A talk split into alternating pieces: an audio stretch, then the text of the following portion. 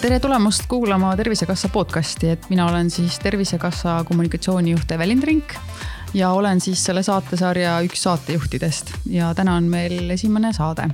et sellest podcast'is, nagu see nimigi ütleb, et äh, räägime peamiselt tervisest ja tervise hoidmisest jagame neid äh, selliseid soovitusi, nippe, kuidas oma tervist hoida, räägime inimeste toimetamistest sel teemal, kuhu nad on jõudnud, kuidas neil läheb. kuulame ka õppetunde loomulikult, et ei taha kuulda ainult häid asju, vaid ka neid kohti, kus võib-olla oleks saanud paremini.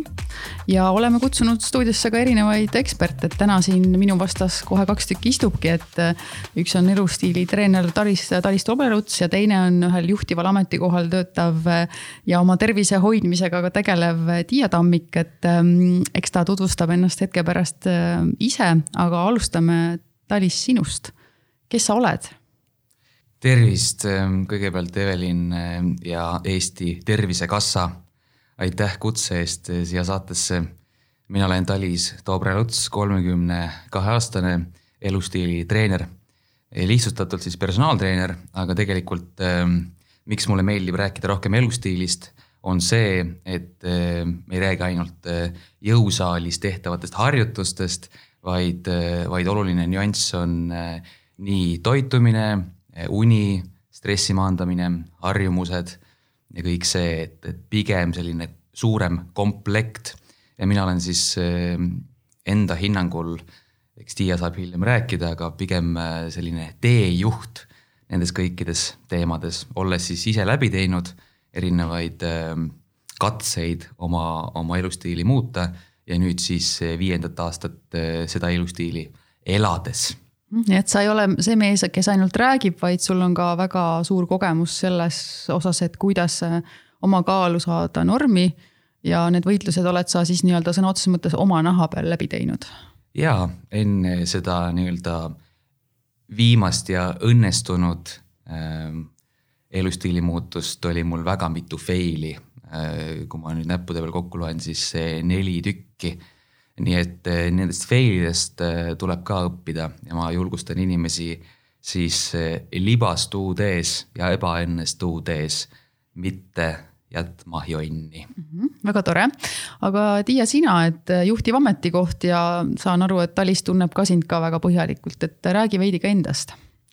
tere, mina olen Tiia, viiekümne viie aastane Ameerika mägedel ralliv trollijuht et Ameerika mägedel selles mõttes, et äh, kui me nüüd kujutame ette, et kuidas see kaal läheb, läheb, läheb, läheb sinna hästi ülesse, siis võtad ennast nagu kätte, kihutad hooga alla, siis põrutad jälle ülesse, mitte just ülesse päris tippu siis tehes mingid tiirud seal kuskil ühe kõrguse peal jälle alla, üles-alla. ja nüüd tänu Talisele siis olen ma, loodan, et ma olen nüüd seal lõpusirgel. noh, ennem stoppi või et ma loodan, et ma ei lähe uuele ringile, et jälle kuskile kõrgustesse sööstaks, et. sa juba võtsid selle kaaluteema nii kenasti siia mm, ka lauale, et, et, et räägi veidi oma sellest kaalu ajaloost, et mis suhe sul selle kaaluga siis on, et Ameerika mäed on väga kõnekas väljend, aga aga milline sinu lugu on olnud selle langetamise ja, ja, ja tõusude juures? no ma olen terve elu olnud sihukene väike pontsik. kui ma olin väike, siis ma olin väike pontsik ja kui ma kasvasin suuremaks, siis ma muudkui aga läksin aina suuremaks pontsikuks, kuni kuni lõppkaal oli mul mingi sada nelikümmend viis. tohin ma vahele küsida, kui pikk sa oled? meeter seitsekümmend viis ja siis ma olin sihukene rõõmus kahe lapse ema.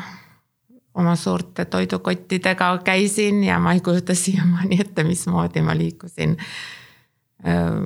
punktist A punkti B sellise suure kaaluga. aga ega mul ei jäänud ka midagi sellepärast tegemata, et oma olemuselt olema sihuke aktiivne inimene olnud kogu aeg ja, ja kooliaastatel kõvasti trenni teinud ja sellepärast, et et äh, siis, kui mina noor olin, võis äh, ka arst sulle öelda, et sa oled paks, mida tänapäeval ei tohi ju. ja ega teised äh, lapsed ka ei hellitanud väga, et see aga sina ei lasknud sellest kaalunumbrist, nagu ma aru saan, ennast segada, et sa tegid sporti, liikusid, ütlesid, et laste kõrvalt ka jaksu oli ja, ja enne me rääkisime ka nende toidukottidega sai ju suisa viiendale korrusele rassitud, et. et kust siis see lugu algas, et, et sa tundsid, et sa enam ei, ei soovi kartuli, kahte kartulikotti oma õlgade peal vedada kaasas igapäevaselt kujundlikus mõttes? no lihtsalt oligi see, et kuna seal viiekorruselises majas ei ole lifti ja no lihtsalt ei jaksa, noh sõna otseses mõttes sa ei jaksa, lihtsalt äh, tiridki ennast käte abil mööda trepi käsipuud üles ja, ja, ja liigesed kõik valutavad ja põlved ja selja, selg ja mis iganes, et äh, noh, põlve need äh, kõhred on ära kulunud, et mis on taastumatu protsess ju, et ähm, ka praegu trennis ei saa ma teha kükke ja, ja siukseid asju, sellepärast et no lihtsalt ma ei saa, kuna mul ei ole neid kõhresid enam seal luude vahel. aga millal et, sa selle, selle, selle teadmiseni jõudsid, et, et ähm, sa oled juhtival ametikohal päris pikalt töötanud, et on see sinu viimase aja avastus, et on, on olnud, olnud vaja sellel kaaluteekonnal olla või on, või on see kunagi nagu varem ka lauale tulnud? No tegelikult ma alustasin, ütleme kaalu allavõtmist no tõsiselt, kui tulid need esimesed kaalujälgija grupid. ma olin siis vast mingi kolmkümmend viis. ja ma olen kolmel korral üritanud seal kaalujälgijates, aga ma ei ole see tüüp, kes suudaks neid igasuguseid punkte ja ja täpselt näpuga retseptisse ajades noh järge ajada, et äh, pigem ma võtan need äh, tänapäeva need toitumiskavad, mis on, ma võtan sealt ideid retseptide osas ja noh, nii et kuna Talis ütles, et kalor on kalor, sööd sa siis kapsalehte või, või jäätist, eks ole. Et siis äh, tähtis on ju tegelikult see lõppkaloraas, mis sa päev, noh, et mida sa endale võid lubada ühes päevas, eks ole, ja no nii ongi mm. -hmm. et kalor on kalor, ühesõnaga on Talise mõte. Äh, Talis, kuidas sina oma selle kaaluteekonna jooksul oled siis erinevaid põhimõtteid äh, kasutanud, siin olid kaalujälgijad juba laual, mis on hästi paljudele Eesti inimestele kindlasti tuttavad. et, et mis nipid-trikid sa esialgu ise oma teekonnal äh, kasutusele võtsid ja kuidas see algas? Esmalt eh, klaarin ära, et tegelikult kalor pole ühtpidi kalor, et eh, mida täisväärtuslikumat energiat tarbid, eh, seda pikemalt kõht täis on ja seda rohkem energiat keha saab. aga tõsi on see, et jäätist võib ka süüa absoluutselt. aga nüüd selle küsimuse juurde tulla, siis no esmalt kunagi Tartus ülikooli esimestel kursustel ostsin õppelaenu eest ülikallid eh, jooksuketsid ja hakkasin siis asfaldil jooksma. ise olles eh, rasvunud staatuses, ehk siis minu pikkuse juures oli mul neid keha eh, ülekilosid ikkagi liiga palju. ja põlved hakkasid valutama ja, ja, ja ega ma toitumist ei muutnud ja tulemusi ka tänu sellele ei tulnud. ehk siis kaal seisis, põlved valutasid, miks jätkata ja, ja, ja tegin igasuguseid erinevaid katseid läbi, et pusisin äh, omal käel peamiselt. ühel hetkel siis võtsin äh, ühe toitumisnõustaja äh, ja personaaltreeneriga ühendust, tegi mulle toitumiskava ja treeningkava. aga, aga samamoodi nagu Tiia ütles, siis pidin näpuga järge ajama ja väga mm, ütleme nii, et tuimalt sööma sisse makrotoitaineid nagu süsivesikuid, rasvu ja valke.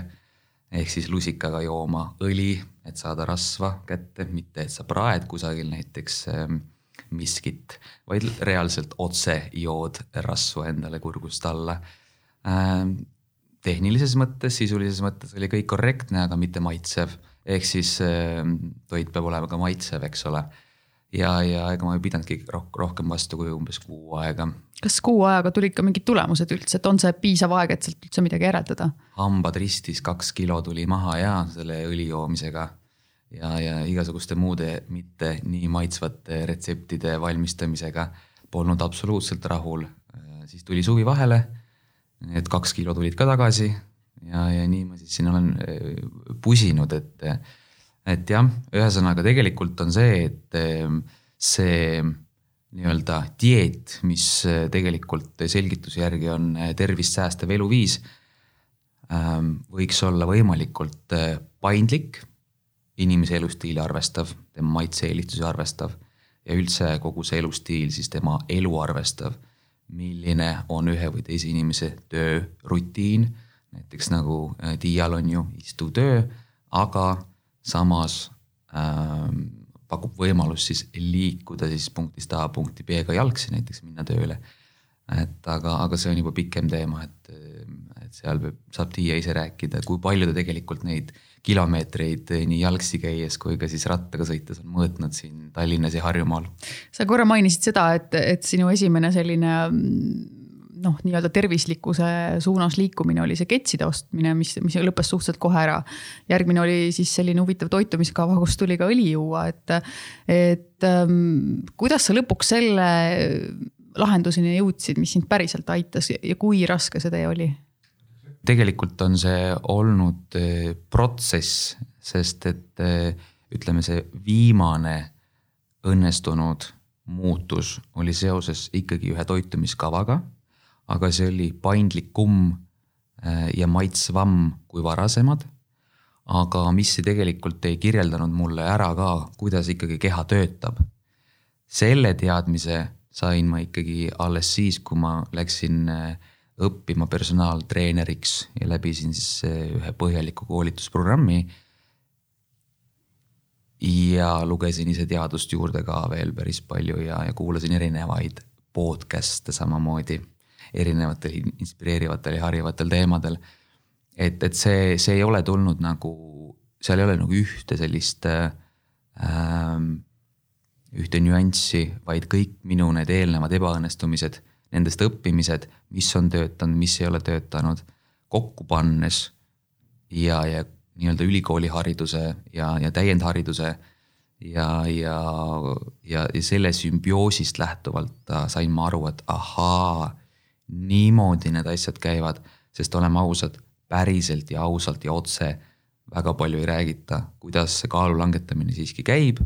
Ja veel, veel vähem räägitakse sellest, et kuidas äh, käib siis lõppeesmärgi hoidmine, sest et eh, kui sada inimest eh, saavutab oma eesmärgi ja langetab kaalu nii-öelda oma, oma soovkaaluni, siis kaheksakümmend viis inimest lähevad uuesti tagasi suureks. Mm.. nii et mina olen ühe nende viieteistkümne seas, kes on siis protsentuaalselt viisteist protsenti umbes ja suudab säilitada soovkaalu aasta pärast kaalu eesmärgi saavutamist.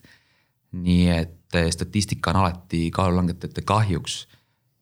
Mis tähendabki seda, et tegelikult see kõik peab muutuma elustiiliks mm. -hmm. see ei saa olla ühekordne protsess. mul juba tuligi sinu jutu peale veidi hirm naha vahele, et see tundub niivõrd keeruline, et et sa oled mitmel korral nii-öelda sõna otseses mõttes läbi kukkunud oma kaalu langetamise teel siis läksid, harisid ennast, tegid endale personaaltreeneri kutse, siis ma küsin, et kas minusugustel lihtsatel inimestel on üldse lootust, et äh, mul on ju mingi eluviis olemas, järelikult ma midagi teen õigesti, et ma ei ole väga palju kaalu ise korjanud. et, et see tundub nii keeruline, et, et võib-olla mm, siin annaks korra Tiiale sõna, et, et, et kui raske see siis päriselt on? ja kas on vaja nüüd minna endale personaaltreeneri pabereid tegema, et, et kaalu üldse alla saada? Ei no ega siis äh, teiste kogemustest tuleb õppida. tuleb lihtsalt leida endale see hea ja õige personaaltreener, kes sulle need asjad lahti selgitab, sest et äh, ma kujutan ette, et noh, kõik padavai panevad sinna ülikooli seda teadust äh, uurima, et, et see ei ole nagu võimalikki. ja noh, mul on tohutult hea meel, et et ma Talisega niimoodi kokku sain. ja tema mõistab minu muret, ma võin haliseda talle seal handtrain'i jälle räägin oi, oi, oi, issand jumal, mind nii piinab, et ma tahan nii seda ja teist ja kolmandat ja. ja magusasõltlane, nagu ma olen ja, ja siis tekivad need igasugused isud ja ah, see on tegelikult on küll raske, aga on hea, kui sul on kellegi käest küsida, et äh, on ju ka palju neid igasuguseid raamatuid välja antud ja, ja lähed sa lihtsalt näiteks ähm, mingi dieediõe vastuvõtule polikliinikusse, siis tema annab küll oma soovitused. aga sellega see asi piirdubki ju, et ähm, et sa võtad seal mingi paar kilo alla, oled maru õnnelik ja vot ja siis tulevad need igasugused isud sulle kallale ja sa ei saa aru, miks nad tekivad. ja et kui kaua nad kestavad ja no ja siis on vaja sihukest leebet inimest, kes jälle võtad su naeratusega vastu ja, ja ja siis halised ja nutad seal tal õla najal ja siis ta selgitab, mismoodi see keha sul töötab ja. Ja kui kuri ta on su vastu siis, kui sa oled teda nälga jätnud ja, ja tagant piitsutanud ja, ja nüüd paistab äh, minu jaoks tunneli lõpus veidi ka valgust, et ma saan aru, et ikkagi selle päris suure kaalukaotuse töö juures saab ka nalja ja võib ka mõnikord olla kurb ja nõrk. Et, ähm, et, äh, et ei pea olema päris üksi ja ennast hommikust õhtuni iga ampsu pärast süüdistama, et milline teie koostöö välja näeb, et sa veidi juba avasid seda, et. et ähm, sul on tegelikult kõrval inimene, mitte kes ei jälgi ainult seda, mida sa sööd ja, ja kuidas sa treenid vaid äh, me räägime tegelikult siin ju ka vaimse tervise nõust, et, äh, et kes toetab seda, seda, seda hetke, kui sina oled äh, mõnes mõttes madalseisus, sa ei jaksa, sa ei taha ja sa isegi ei taha aru saada enam, miks sa ei või kõike seda süüa, mida sa kõike tahad tegelikult. et mis siin see võtmesõna Talis on? sa, Evelin, said nii hästi aru sellest, suurepärane. tegelikult ongi, et, et ühelt poolt on oluline toetada inimest eh, tema füüsilisel arengul, aga teistpidi ka tema vaimsel arengul. ja, ja, ja tegelikult võib sellise veksli välja öelda küll, et eh, kui üks eh, inimene, kellel on päris siiras soov langetada üleliigset kehakaalu või saada üleliigsetest kilodest lahti ja, ja, ja seda püsivalt, siis tegelikult polekski vaja muud teha, kui paaritada ta ühe inimesega või maksimaalselt kahe inimesega, kes üks tegeleb tema füüsilise poolega ja teine tegeleb eh, tema vaimse poolega. muidugi tore on, kui, eh, kui on kaks ühes. ehk siis eh, on inimene ehk siis teejuht, nii nagu mina, huvitatud nii füüsilisest arengust kui ka siis vaimsest arengust. minu pluss on see, et mul on huvi psühholoogia vastu ja see on ka üks minu kõrgharidustest ja, ja teiselt poolt olen täiendanud ennast siis eh, kogu sellesse spordi ja liikumise valdkonnas. aga, aga siin me tegelikult jõuamegi sinna, et eh, peaks käibele võtma uue termini nagu eh, elustiilitreener, kes vaatab asja laiemalt ja vajadusel suunab siis edasi ähm, täpsemalt, kas siis terapeudi juurde või siis jõusaali treeneri juurde või on ise äh, nende kompetentside omanik. aga jaa, mõlemat on vaja arendada nii vaimset poolt kui ka füüsilist poolt ja ütlen ausalt tegelikult, et kui peaks valima kumma poole, siis ma alustaksin siiski vaimse poolega. sa tõid siia sisse nüüd ühe väga sellise uhke ja peene nime, elustiilitreener. siin on ingliskeelsed vasted ka sellele ilmselt piisavalt, et see kõlab väga peenelt, et kuidas selle teemaga saaks ennast lihtne inimene, kes võib-olla ei oma mitut kõrgharidust, ei oma uhket töökohta, uhket tiitlit ega veel uhkemat autot, et eh, kuidas tema saaks selle elustiili treeneri juurde pääseda, mis, mis on tema võimalused üldse, et mulle jälle taaskord tundub, et ega üksi sellel päris tervise hoidmise teel ongi raske olla. nii vaimse kui füüsilise poole pealt, aga samas kõigest sellest sõltub ju see, kuidas me iga päev elame, kuidas, milline on meie kvaliteet, millised on meie lähisuhted et, et kuidas sinna elustiili treeneri juurde jõuda, et me, ma ei taha küsida otseselt, et palju see maksab, ma saan aru, et kõik on valikute küsimus, aga on see jõukohane üldse ühele näiteks äh, sellisele ametikohale, kus on trollid, trolliga sõitja peal, et.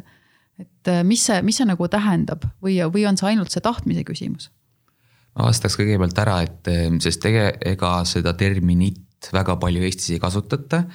ja, ja see, see on ka sisustamata veel mm selle peale ma tulin ühte teadusartiklit lugedes ja, ja seal öeldigi, et tegelikult äh, juba on maailmas koht olemas sellise termini ja sellise professiooni nagu elustiilitreener vastu.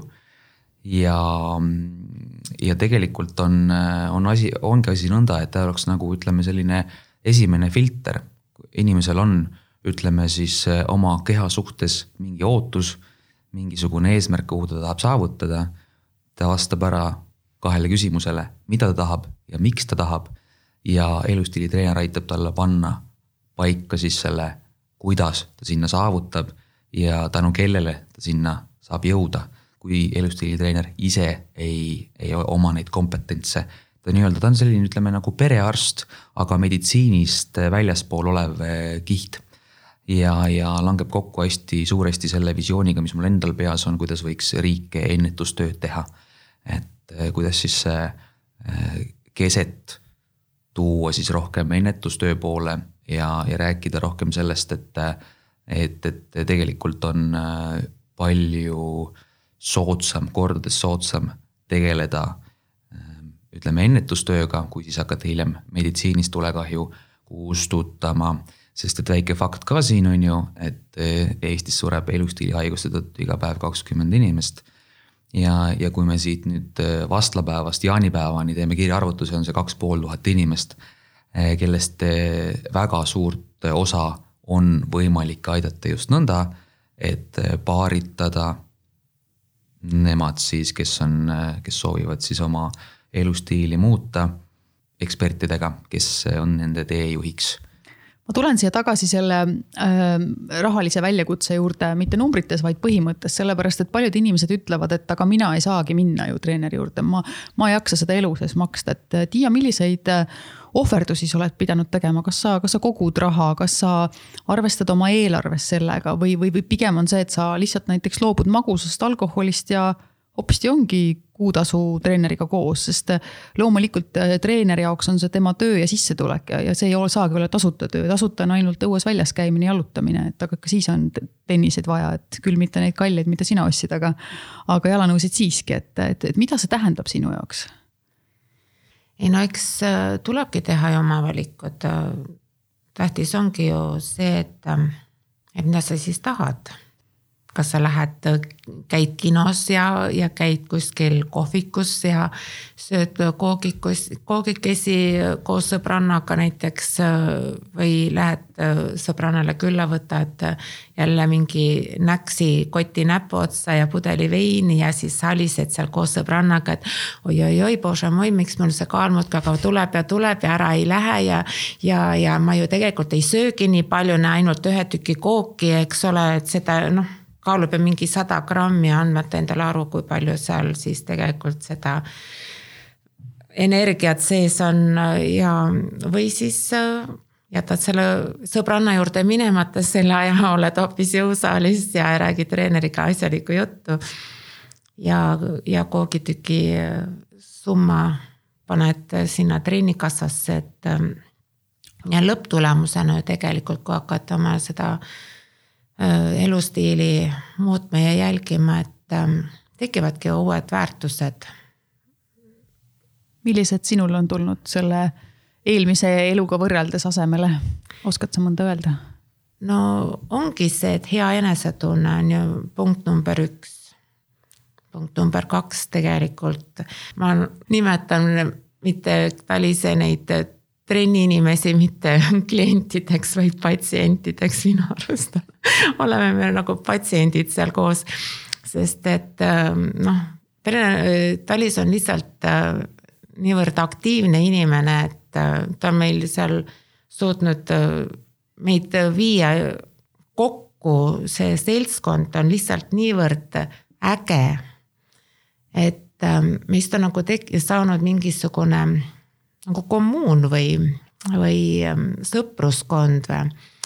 et kui aasta tagasi oleks keegi mulle öelnud, et äh, kuule, et lähme tali ujuma, siis ta oleks saatnud kuu peale öelnud, et nalja teed, et. et suvel ei saa ma ujuma minna, sellepärast et vesi on liiga külm.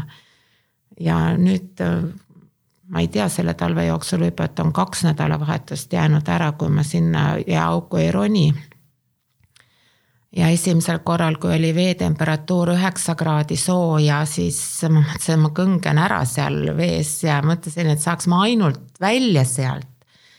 siis äh, ma ei mäleta, eelmine nädal Noblessneris me ei saanud seda termomeetrit sealt jää seest kätte Te ei tea, mis see temperatuur oli? aga see oli see sihukene jääsupp, äh, noh, kus me siis seal ära käisime.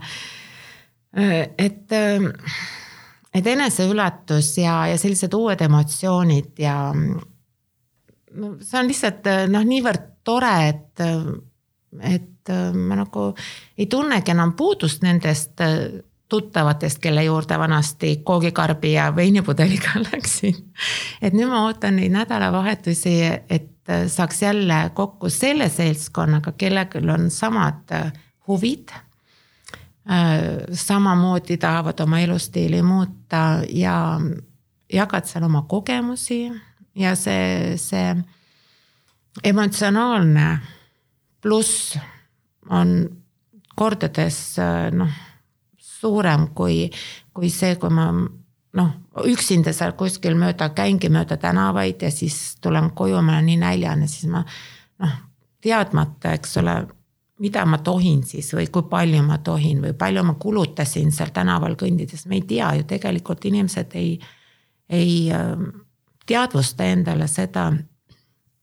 et kui palju nad nagu liikumisega kulutasid ja kui palju nad pärast toiduga endale sisse söövad. kui sa lähed kuhugi, eks ole, sööma, siis sa tõstad endale sisse, mis sulle meeldib või noh, taldriku peale, eks ole. ja ja sa ei tea ju tegelikult, kui palju sa sinna tõstsid, sellepärast et sul ei ole mingit ettekujutust, palju see toit kaalub, eks ole. sa ei tea, kui palju see energiaväärtus on seal sees ja, ja, ja kui sa teed seal mingisuguse tunniajase jalutuskäigu ja pärast vihud endale sisse tegelikult poole päeva toidukoguse korraga, siis noh, et ma olen palju teadlikumaks saanud asjades ja ma suudan vahetevahel ka leppida oma nende kaalu kõikumistega natuke üles ja natuke alla ja vahest on see ka, et noh, et ei viitsi välja minna ja. ja siis mõtled, et oh, et aga ma pean ju minema, et noh. tegelikult keha hakkab nagu nõudma juba seda, kui sa hakkad oma rohkem liikuma, eks ju, siis, siis lihtsalt, kui jääb mingi päev väljas käimata, siis tunned, et äh, midagi on nagu puudu mm. -hmm. sa rääkisid ja. väga palju nüüd sellistest äh, sul on nagu uus elu, mulle jäi nagu kõrva, et sul on täiesti uus elu võrreldes sellega, mis sul varem oli ja. ja, ja noh, minu jaoks sa kummutasid ka selle müüdi, et, et ei ole võimalik sellepärast trenni minna, et mul ei ole seda võimalik endale lubada et seda, seda tuuakse väga palju ettekäändeks, et mina ju ometigi ei saa midagi teha, eks ju, et. et Talis, sina oled ka ju erinevaid asju proovinud ja kulutanud erinevate asjade peale raha, et. et mis on see, millest sina oled loobunud selles mõttes, heas mõttes, et, et tuua asemele nii-öelda head ja sulle endale kasulikud harjumused nii üllatav, kui see ka pole, ma pole tegelikult millestki loobunud, vaid olen hoopis võitnud. või siis, kui nalja teha, siis ma olen loobunud üleliigsetest eh, kilodest ja circa kolmekümnest ülekilost. ja, ja võitnud väga palju energiat, ehm, enesekindlust eh, ja, ja, ja tahet teisi aidata, aga praktilise poole pealt, eh, kuidas siis säästa, on teha ise süüa kodus sest et kui ma mõtlen oma selle legendaarse vokiroa peale, kuhu ma panen sisse köögivilju, kanahakkliha ja, ja makarone lihtsustatult öeldes, siis, siis selle tegemine, ühe portsjoni tegemine siis äh, maksab mulle natuke alla kahe euro. Äh, aega kulub umbes kümme minutit ja see annab mulle üle poole kilo toitu ja kolmsada viiskümmend kalorit, ehk siis ma võiksin seda päevas süüa kuus topsi ja ma ei võtaks juurde kaalus nii et, et selles mõttes äh, ise kodus süüa teha, teha koos sõpradega äh,, ette kokata, kas siis täielikult mitmeks päevaks, nii nagu mina teen, panen karpidesse või siis äh, teha mõned koostisosad valmis, nagu näiteks hakkliha praadid ette. et, et kõik on, kõik on võimalik, kui ise tahta. et, et ja igaüks võib mõelda, et kui minu lõuna maksab alla kahe euro, siis kui palju maksab sinu lõuna koos kohvi ja, ja muude selliste lisanditega aga alla kuue-seitsme euro Tallinnas ei saa, et võib-olla siin Pärnus saab äh, soodsamalt, aga eks inimeste rahakotid on ka kindlasti erinevad, sõltub, kus piirkonnas ka töötatakse. aga tahtsin küsida veel, et milliseid vabandusi sulle veel tuuakse, et tegelikult see, et mul ei ole võimalust ja mina ei saa seda endale lubada, on üks vabandustest. ressursid ongi peamiselt, üks asi on raha ja teine on aeg. Nii, kuhu see aeg siis huvitav küll läheb? täpselt nii, igaüks saab siis äh, teha valikuid, et, et kuhu see aeg üldjuhul läheb, ega mina ka ei tea, igaüks võib siis ju tegelikult äh, panna kirja ka nii-öelda ajapäevikut hakata pidama, kui ta arvab, et tal täna justkui pole aega. ja hiljem on näha, et ähm, kuhu see aeg läheb. aga jaa, üldiselt läheb see ikkagi filmide vaatamisele ja, ja niisama mahamagamisele ja lössutamisele. Et, äh, et pigem, pigem nii on, et, et selle ütleme keskmiselt eh, tunni päevas saab igaüks eh, võtta selleks, et eh, liikuda, teha trenni ja, ja, ja planeerida oma tegevusi ja kokata. et kui me mõtleme, võtame, et meil on kakskümmend neli tundi ööpäevas, siis see tunnike sealt võtta on, on võimalik täiesti, täiesti reaalselt igalühel. aga mida sellega peale hakata, et kui ma nagu päriselt tunnengi, et ma tahangi ainult vedeleda, et ma olen päeva lõpuks näiteks nii väsinud, et et justkui ei olegi ühtegi energiakildu enam, et panna seesama tennis jalga ja minna õue või siis ammugi trenni, on ju, et. et noh, ma näen, et võib-olla kui Talis ootaks mind või Tiia ootaks mind trennirajale, et siis ma võib-olla läheks parema meelega, sest ma tean, et ma olen lubanud, on ju, aga inimesed tihtipeale jõuavad sinna, et nad ei ole seda lubadust ka enam, et mis sinu kogemus ütleb, et mis siis teha? tegelikult on niimoodi, et äh, sul on energiat. Kus, näita. sinu sees aga siin on üks väga hea näide, minu juures käib üks türklane, elab Eestis, töötab Boltis. ja kusjuures, kui ma siia jalgsi kõndisin stuudiosse, siis üks Bolti omanikest sõitis mulle rattaga vastu lumisel teel.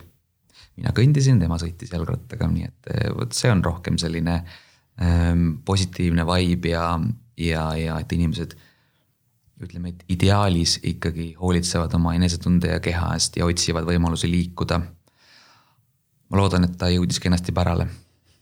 aga, aga jaa, et see türklane äh,. ma soovitasin talle kaks kilomeetrit siis kõndida tööle hommikul. iga päev? jaa, aga ta arvas, et ta, see väsitab teda niivõrd ära, et ta ei jõua enam hiljem tööd teha. ja tuli ta järgmine kord minu juurde ja ütles, et tead, mis Talis, see andis mulle hoopis energiat. Ja et mida, et tulla sellest nõiaringist välja äh, ei ole vaja mitte füüsilist jaksu, vaid on vaimset jaksu vaja. ja selle jaoks siis on äh,, kuigi oluline, siis kas keegi müksab või ise vastad mõnele lihtsale küsimusele, mida sa tahad ja miks sa tahad. ja siis sa leiad selle lahenduse, kuidas. aga hästi oluline on, on see suund paika saada ja sõnastada need ära päriselt ja paberile ja panna ka. aga kui Tiia sinu otsa nüüd vaatan, et, et kuna need on Talise küsimused, mida ta ilmselt oma, oma treeni-, treenitavatelt kõigilt küsib, et, et millise mõttega sina läksid, et mida sa tahtsid ja, ja miks? kuna hmm, vanus hakkab tulema kallale, eks ole. ja, ja siis ähm, see on ju selge, et, et kui sa oled äh, suur ja raske siis on nii või naa ennast raske liigutada. kui sa jääd veel vanemaks, siis äh, seda, seda raskem. ja lõpptulemusena noh, tahaks ju ka tegelikult ju veel elada, et äh, hirm surma ees vist on nii suur et tahaks nagu pikalt elada ja nautida seda toredat elu, mis meile antud on, et et ka veel oma laste jaoks veel tükk aega olemas olla. teiseks noh, ei ole ju tore ennast ka peeglist vaadata, kui sa oled sihukene, et ükski riidese sulle selga ei istu ja. ja õieti polegi sealt poest nagu midagi võtta ja. et see, et ma Talise juurde läksin, no tema juurde ma ju läksingi tegelikult selle juttega, et noh. kaal lihtsalt tuleb muudkui juurde, et äh, see oli täiesti aastavahetuse paiku, kui ma oma suveriiete kohvri kallale läksin ja mõtlesin, et ma proovin ja, ja kui need siis istusid niimoodi kenasti nagu viinerikiled ümber keha, et noh see paanika jälle, et appi, appi, et kas ma pean nüüd jälle hakkama suuremaid asju ostma, et noh, ma peaks, et noh, et mul on kaks varianti, eks, et kas ma ostan endale suuremad riided või ma võtan endaga midagi ette. Et noh, et miks siis mitte selle garderoobi raha anna, anda pigem talisele ja saada enda, ennast äh, nagu uuesti normi, eks ole. kui et ma viskan need väiksemad toredad riided minema, mis on ju, mille eest on juba ju ka makstud eelnevalt, on ju. ja siis ostan jälle suuremaid ja jälle suuremaid, sest iga, iga see kaalu kõigutamine nõuab investeeringuid. ükstaskõik, kas sa siis lähed suuremaks või lähed sa väiksemaks. ikka sul ei ole kunagi midagi selga panna, kui sul tarvis sul oli ühesõnaga päris mitu sellist motivatsiooniallikat ja tegelikult vabanes potentsiaalselt ostetavate riiete alt ka rahaline ressurss sel hetkel, et. et, et mis, mis seisus sa selleks ajaks olid, kui sa sinna suveriiete kohvrisse vaatasid, palju sa olid alla võtnud, mis sa olid juba ära teinud, et? No tähendab tegelikult mul oli maavähendusoperatsioon, eks ole, siin mõned aastad tagasi ja siis ma võtsin nelja kuuga kolmkümmend kaheksa kilo alla. mille peale siis kirurg ütles, et oi-oi-oi, nüüd aitab küll sellepärast et kaalulangus oli väga kiire ja, ja suur ja ütles, et te näete juba super hea välja. Äh, selleks oli, selleks ajaks oli suvi saabunud, kui palju ilusaid riideid oli poes müügil jummel juurde, ma kahmisin neid sealt poest kokku endale ikka süle ja seljaga, sest et naisterahvas, kes äkki on nagu kommipoodi sattunud ja oh, üks oli ilus, noh, et oli nagu valida juba poest, noh, et enne ma võtsin seda, mis mulle mahtus selga ja nüüd ma läksin ja ma valisin seda, mida ma nagu tahtsin selga panna. küsin, küsin vahele, et mis sul see kaalu või see riidenumbri vahe selleks hetkeks oli, et, et mis, mis see kommipood sinu jaoks, mis numbris see kommipood eksisteeris seal no, sel hetkel? kui ma olin kogu aeg kandnud ikka mingisugune viiskümmend neli, viiskümmend kuus number riideid, siis mul äkki oli nelikümmend neli, nelikümmend kuus ja lõpuks oli nelikümmend kaks number riided. et äh, noh, seal oli tõesti juba valikut. Ja, ja kuna oli, kuna oli aastavahetus ja kevad oli nagu saabumas ja need need ilusad suveriided olid noh, niivõrd ümber, et nendega enam ei kõlbanud välja minna, siis, siis ma leidsin, et mul oli nagu aega ju veel suveni. noh, ma ju läksin Talise juurde mingi viimastel, jaanuarikuu viimastel päevadel saime niimoodi kokku, rääkisime paar sõna juttu ja leppisime kokku, et siis teisel veebruaril läksin tema juurde trenni aasta tagasi. kui palju sa selleks ajaks olid sellest kaalulangusest juba juurde tagasi võtnud? Äh, mingi kolmteist kilo või ja, ja vot ja siis oligi nagu hakkasid see häirenupp hakkas kuskil see karjuma kuklas, et, et nüüd tuleb midagi ette võtta, et. et äh, ma ei taha nagu katsetada, et kas on tõsi jutt, et enam ei võta päris oma maksima, maksimumini tagasi seda kaalu, mis ennem operatsiooni oli, et noh, väidetavalt ei pidavat nii palju, et mõned kilod tulevad tagasi, et see on normaalne aga et päris sellesse algkaalu enam tagasi ei lähe ja, ja ma ei tahtnud katsetada, sellepärast et see oli nagu noh, oleks endale ju, no milleks on ju. absoluutselt.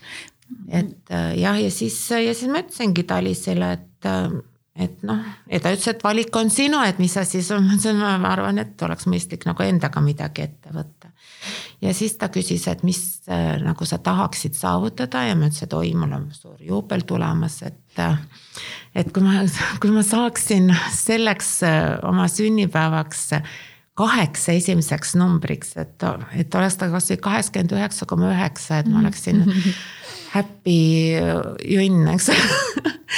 Ja, ja noh, ja siis minu sünnipäeva hommikul näitas mu kaal kaheksakümmend kaheksa koma kaheksa ja ma ütlesin, et, et oled sa näinud naisterahvast, kes oleks nii õnnelik kahe või kolme ühesuguse kingituse üle, et noh, kaheksa, kaheksa, kaheksa, mina ei tahtnud ühte kaheksat näha et, ähm, no ja siis oli mai lõpp, tuli suvi peale, päike, suured soojad ilmad, mõnus kõndida, jumal hoidku, ma olen vist Tallinna otsast lõpuni ja ümberringi läbi mõõtnud. ja, ja siis see kaal läks nagu edasi iseenesest nii-öelda, noh, mitte iseenesest, aga lihtsalt ma nautisin seda, et see kaal muudkui läks ja läks väiksemaks ja. ja kui ma siis ühe korra ütlesin, tead, et ma vaatasin, et normkaal on niimoodi käega katsutavas kauguses ja ma tahaks näha peeglist elus ühe korragi, missugune ma välja näen, kui ma olen normkaalus. noh, ja siis ja niimoodi on läinud siis, et, et nüüd on see normkaal käes ja ja, ja noh, natukene tahaks veel, aga me nüüd me ootame kevadet selge, aga mis, see on väga-väga värvikas ja vahva kirjeldus, et see kaheksa, kaheksa, kaheksa võiks öelda, et väga palju lõpmatuse märke, kui need kaheksad külli panna, et lõpmatu teekond ja lõputu teekond on ju see enese tervise eest hoolitsemine. Talis, mis seisus Tiia sinu juurde siis tol hetkel jõudis, kui ta juba neid kleite selga pani ja nägi, et siin lukud kinni ei lähe ja, ja nendest kleitidest varsti asja ei saa, et, et mis see esmane, esmane mälestus või mulje sul oli? No kõik algas tegelikult äh, ühest e-kirjast ja ma ei teadnudki, Tiia, et sa nii konkreetne oled. ma otsisin selle välja. see on Tiialt. mis, mis kuupäeva seisuga see kiri on? kakskümmend seitse jaanuar. olen kaks tuhat kakskümmend. olen huvitatud personaaltrennist, et kuidagi jälle rajale saada, punkt väga lühike kiri nii lühikest kirja ei teagi. väga konkreetne, on ju ja, ja muidugi eh, Tiia enda soov oli saada enne kokku. mille peale ma siis üldjuhul alati ütlen, et eh, võimalus on tutvuda eh, põgusalt mõnikümmend minutit. ja, ja siis ta tuli mulle sinna saali, kus ma täna toimetan ja, ja, ja tagasihoidlik naisterahvas, tõesti hädas. ja, ja rääkis mulle kohe ära, mida ta teha ei saa näiteks põlve tõttu istumine äh, oli keeruline, eriti madalal istumine. ja kas sa, Tiia, mäletad, kuidas sa teatasid mulle ühel hetkel, et vaata, kuidas ma istun kuidas ma püsti tõusen. ja kuidas Seda ma püsti tõusen ja et see oli, see oli nii tore, et ta suudab püsti tõusta, istuda ja püsti tõusta ilma valuta.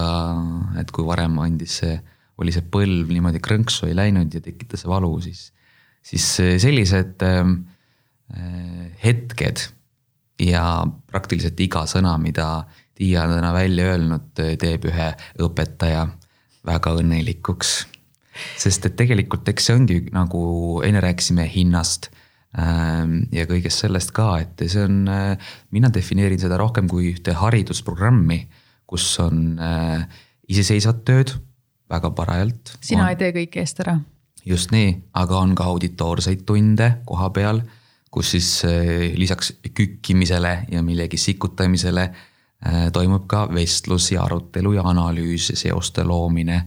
ja, ja, ja noh, haridus ikkagi maksab ka, sest et õppejõud, õpetaja eh, panustab oma teadmisi, kogemusi, oma energiat. et, et pigem ma vahel ütlengi inimestele, et jah, et kui kaua sul võttis aega, et saada üks kutseharidus kui kaua juuksuriks õpitakse ka aasta-poolteist, on ju. aga, aga nüüd, et, et õppida oma keha eest hoolitsema selleks, et eh, ülejäänud elu aastakümneid tunda ennast oma kehas hästi, olla terve. no ütleme nii, et kõik sõltub siis juba perspektiivist, et, eh, et, et mis on kallis ja mis mitte. Me rääkisime sellest ka enne, et, et, et mõneti on ju, tundub nii raske, et millal ma siis need tarkuseterad saan, et mis praegu puudu on, et koolis ju matemaatikat õpetatakse. liitmise, lahutamise, kirjutamisega saame hakkama, et, et kus see lünk täna on tervise hoidmisel, et miks mina näiteks neljakümne aastasena veel ei tea, kus on see võti?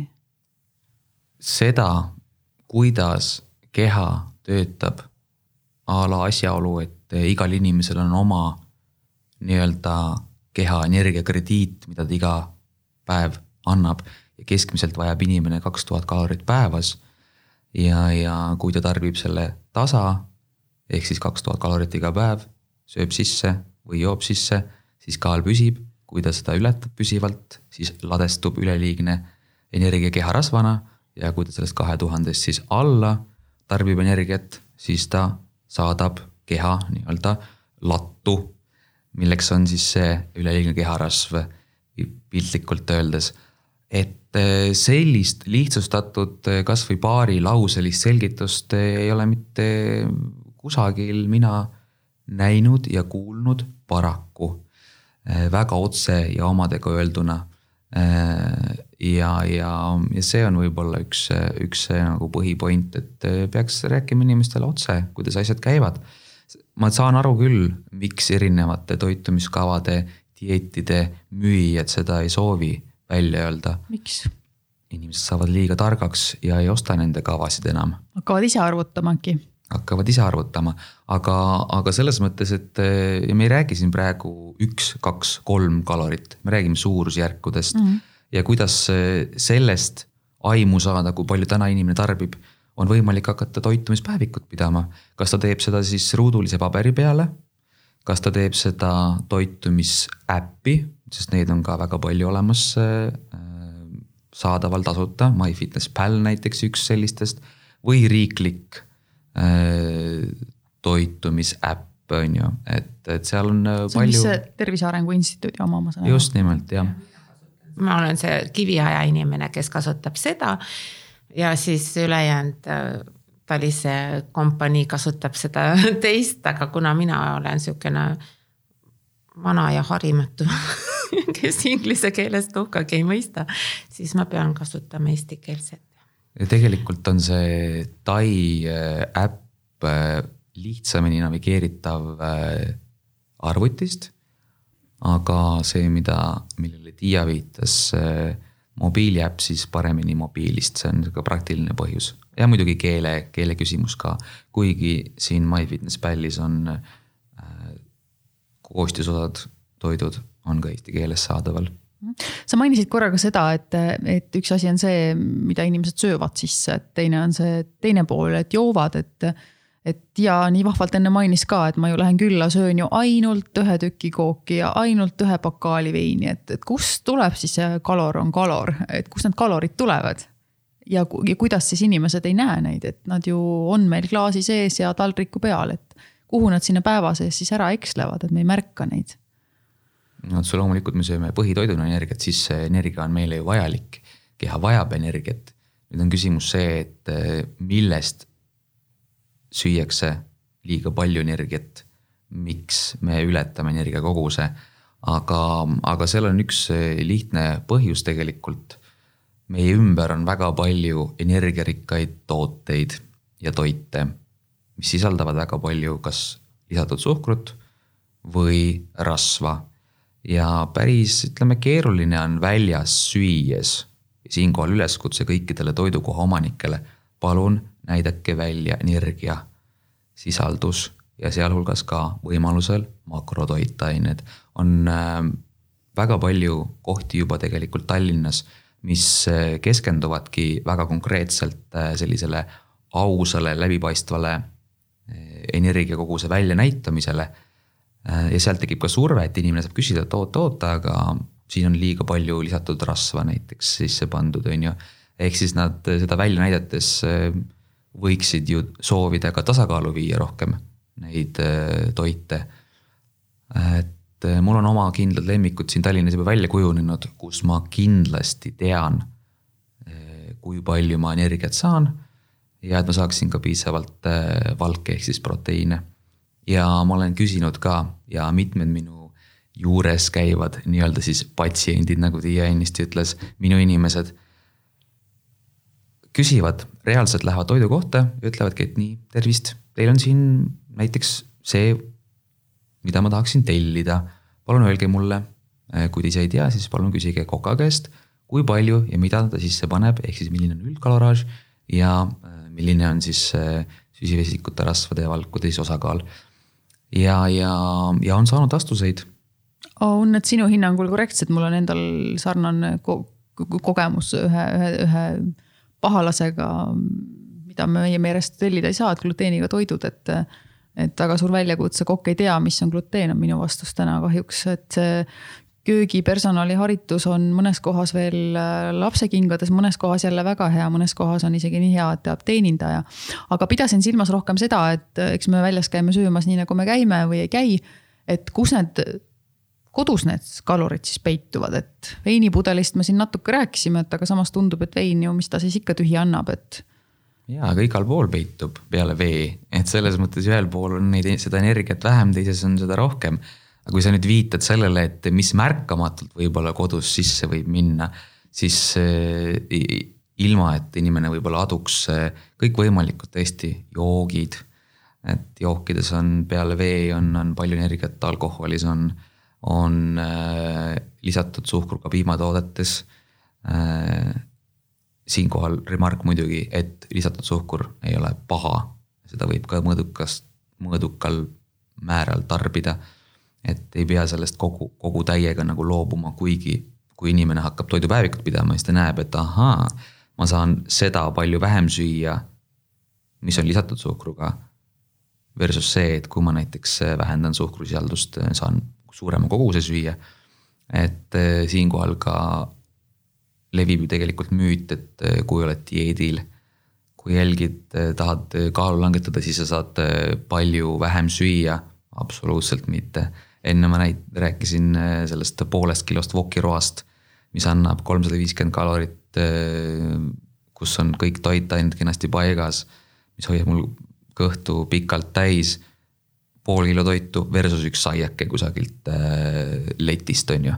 et, et see on valikute küsimus, et kas ma söön siis pool kilo toitu, mis hoiab mul kõhtu kaua täis või ma söön sama kalorite hulga ka nii-öelda siis ühe, ühe sellise pagaritoote, kus on palju rasva ja palju suhkrut äh, ja mis ei hoia mul kõhtu pikalt täis. Ja, ja ma tahan uuesti süüa umbes tunni pärast, et see on täiesti selline, et, et inimene saab ise otsustada ja mitmed äh, minu juures käivad inimesed vahel ütlevadki, et, et lähengi nüüd, võtan ühe kohvi, võtan ühe piruka ja mul püsib kõht täis kuni lõunani ja, ja, ja mahub see kenasti pirukas ka sinna energiavahedusse eh, sisse kaalu langetades. nii et, et ei pea tegelikult loobuma, tuleb lihtsalt teha teadlikumaid otsuseid ja olla kohal, sest nii nagu me tegelikult eh, liikluses oleme kohal, eks ole, eh, nii on võimalik hakata orienteeruma ka selles toitumise ja liikumise maailmas. sest et saades juhilubasid, peame ka teooriat õppima, peame praktiseerima ja hiljem praktiseerime terve elu, olles teadlikult kohal linnatänavatel. Sõites autoga, nii et, et kõik, kes äh, seda teevad, äh, saavad aru, et nad silmi kinni ei pane. nii nagu äh, võib-olla ei ole kõige mõistlikum silmi kinni panna ka näiteks toitumises, vaid olla teadlik mm. -hmm. aga küsin mõned küsimused ka, et kuidas äh, siin väike selline teadmiste test ka, et äh, kolleegid aitasid mind, äh, mind ka veidi loomulikult, et üks küsimus on selline, et, et käin, eks ju, päeval trennis kenasti, oma arust söön hästi, aga õhtul on sellised tohutud söömasööstud, et. et Talis ilmselt see teema ja, ja ka sulle ei ole üldse võõras, et miks see siis nii läheb, et inimene oma peas mõtleb, et aga ma olen ju kõik suurepäraselt teinud, trenni ka teen, aga siis õhtul no ei lähe see külmkapi uks kinni, et ei suuda minna, minna teise tuppa, olen ja söön. üks äh, teaduslik põhjendus sellele ja minu enda keha peal läbi tehtud äh, kogemus ütleb, et äh, kes jätab hommikusöögi söömata ja, või kes päeva esimeses pooles tarbib väga vähe energiat sellel on õhtul väga keeruline käsipidurit üles leida. ja päriselt, et äh, hommikusöögi söömata jätmise ja ebaregulaarse söömise ning rasvumise vahel on väga selge korrelatsioon.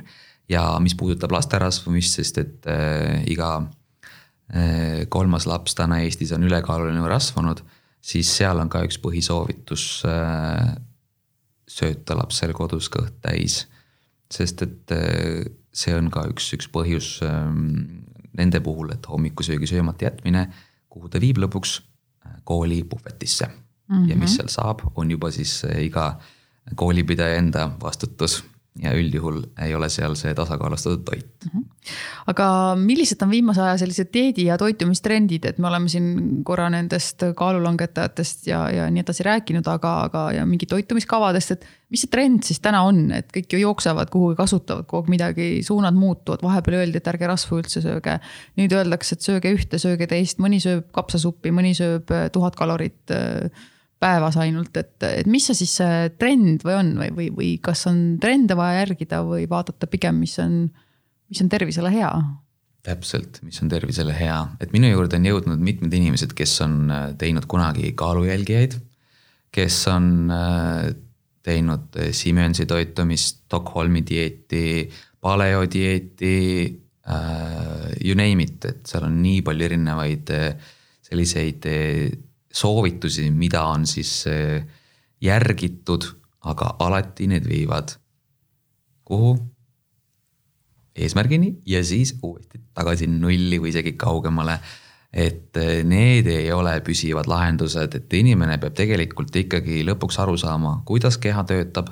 kalorid sisse, kalorid välja, ehk siis energia sisse, energia välja, ehk siis keha raamatupidamisest tuleb endal hakata aru saama ja selle jaoks ongi võimalik äh, võtta endale appi mõni inimene, kes seda jagab ja nüüd tegelikult on Tiia äh, ka väga hea kogemusnõustaja. Äh, kes lisaks sellele, kuidas, kuidas ta on, kuidas tal see kõik on õnnestunud, suudab ta ka selle Tai toitumisprogrammi sissejuhatava koolituse ka kindlasti kõigile ära teha aga see on suurepärane, et kuna meie saateaeg hakkab vaikselt läbi saama, siis, siis küsingi, et kumbagilt teilt, andke üks soovitus, mis, mis teid ennast on tõeliselt aidanud. et Tiia, oskad sa mõnda sellist asja nimetada, mis sind tegelikult on aidanud ka, ka võib-olla rasketel hetkedel, et kui, kui ikkagi on tunne, et ma löön käega ja. ja lähen teen külmkapi lahti ja mis siis, et need riided võib-olla hiljem selga ei lähe.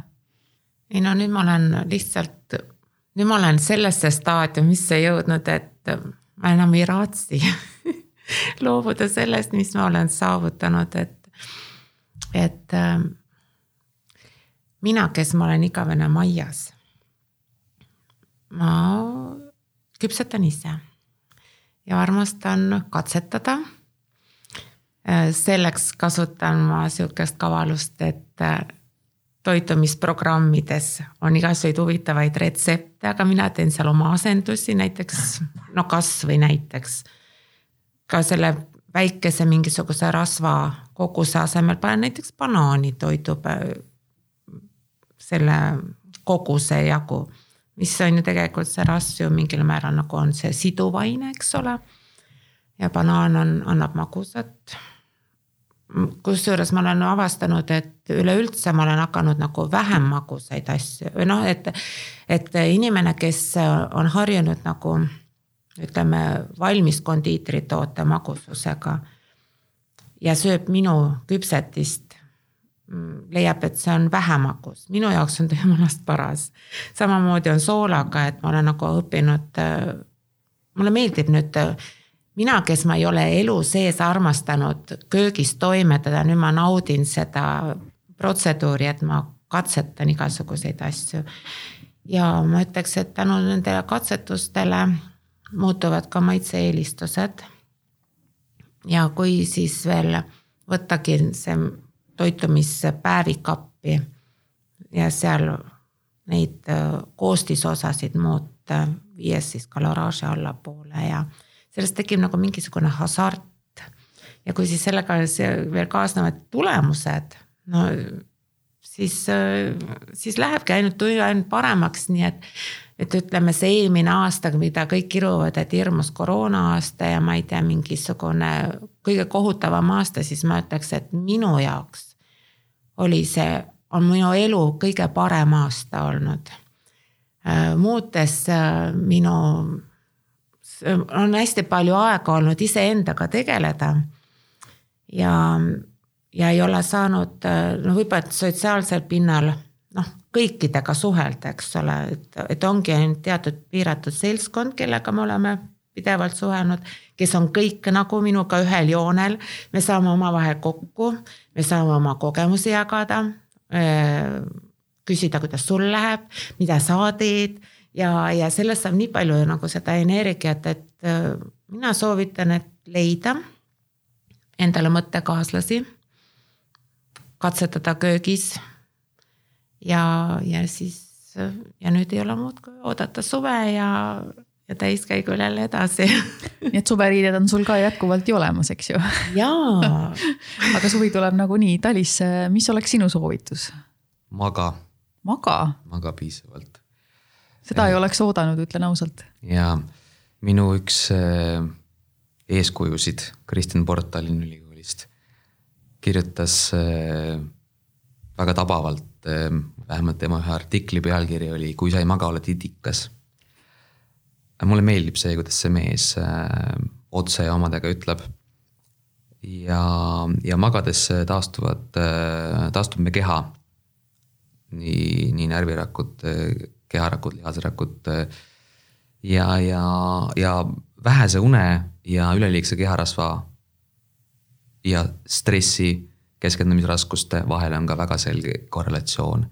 et inimene, kes magab alla seitsme tunni, temal läheb juba see vundament tegelikult nagu paigast ära. ja ma näen seda enda peal, ma loen seda teadusest ja ma loen seda oma inimeste pealt. näen seda, kuidas äh, vähene uni tekitab neile isusid neil on raske keskenduda ja, ja lõppkokkuvõttes on päris palju stressi. nii et ma alustaks kõigepealt sellest, et jah, et, et hea normaalse pikkusega kvaliteetne uni on, on väga-väga-väga oluline. ja siis laoks sinna peale järgmised vundamendid, mis puudutab siis seda, et leida üles halvad harjumused, ehm, kujundada nende peale uued positiivsed harjumused, liikumine, toitumine Äh, hobid, äh, eneseületus. et, et selles mõttes ähm, see jada järgneb hiljem ja see on, see on kolmekümne järgneva saatejutt ilmselt. aga, aga jaa, et, et uni, sealt algab minu silmis kõik aga see on täiesti suurepärane, sest äh, mina väga naudin magamist ja ilmselt see on ka minu üks saladusi olnud, aga see on juhtunud kogemata, et, et, et kõigepealt minul on praktika ja seejärel nüüd vist ka teooria. aga olen ääretult tänulik, et äh, te leidsite täna kahekesi aega tulla ja oma mõtteid ja kogemust jagada ja, ja soovin kõikidele, kes on sellel kaalu langetamise ja toitumise teel äh, leida ka üks vägev seltskond endale, et see jäi mulle väga endale kõrva, et see seltskond ja need toetajad, kes ka vaatavad sinu vaimse tervise poolt sel hetkel, kui sul raske on, on üliolulised. aitäh, Talis, aitäh, Tiia, et te tulite ja järgmise korrani. aitäh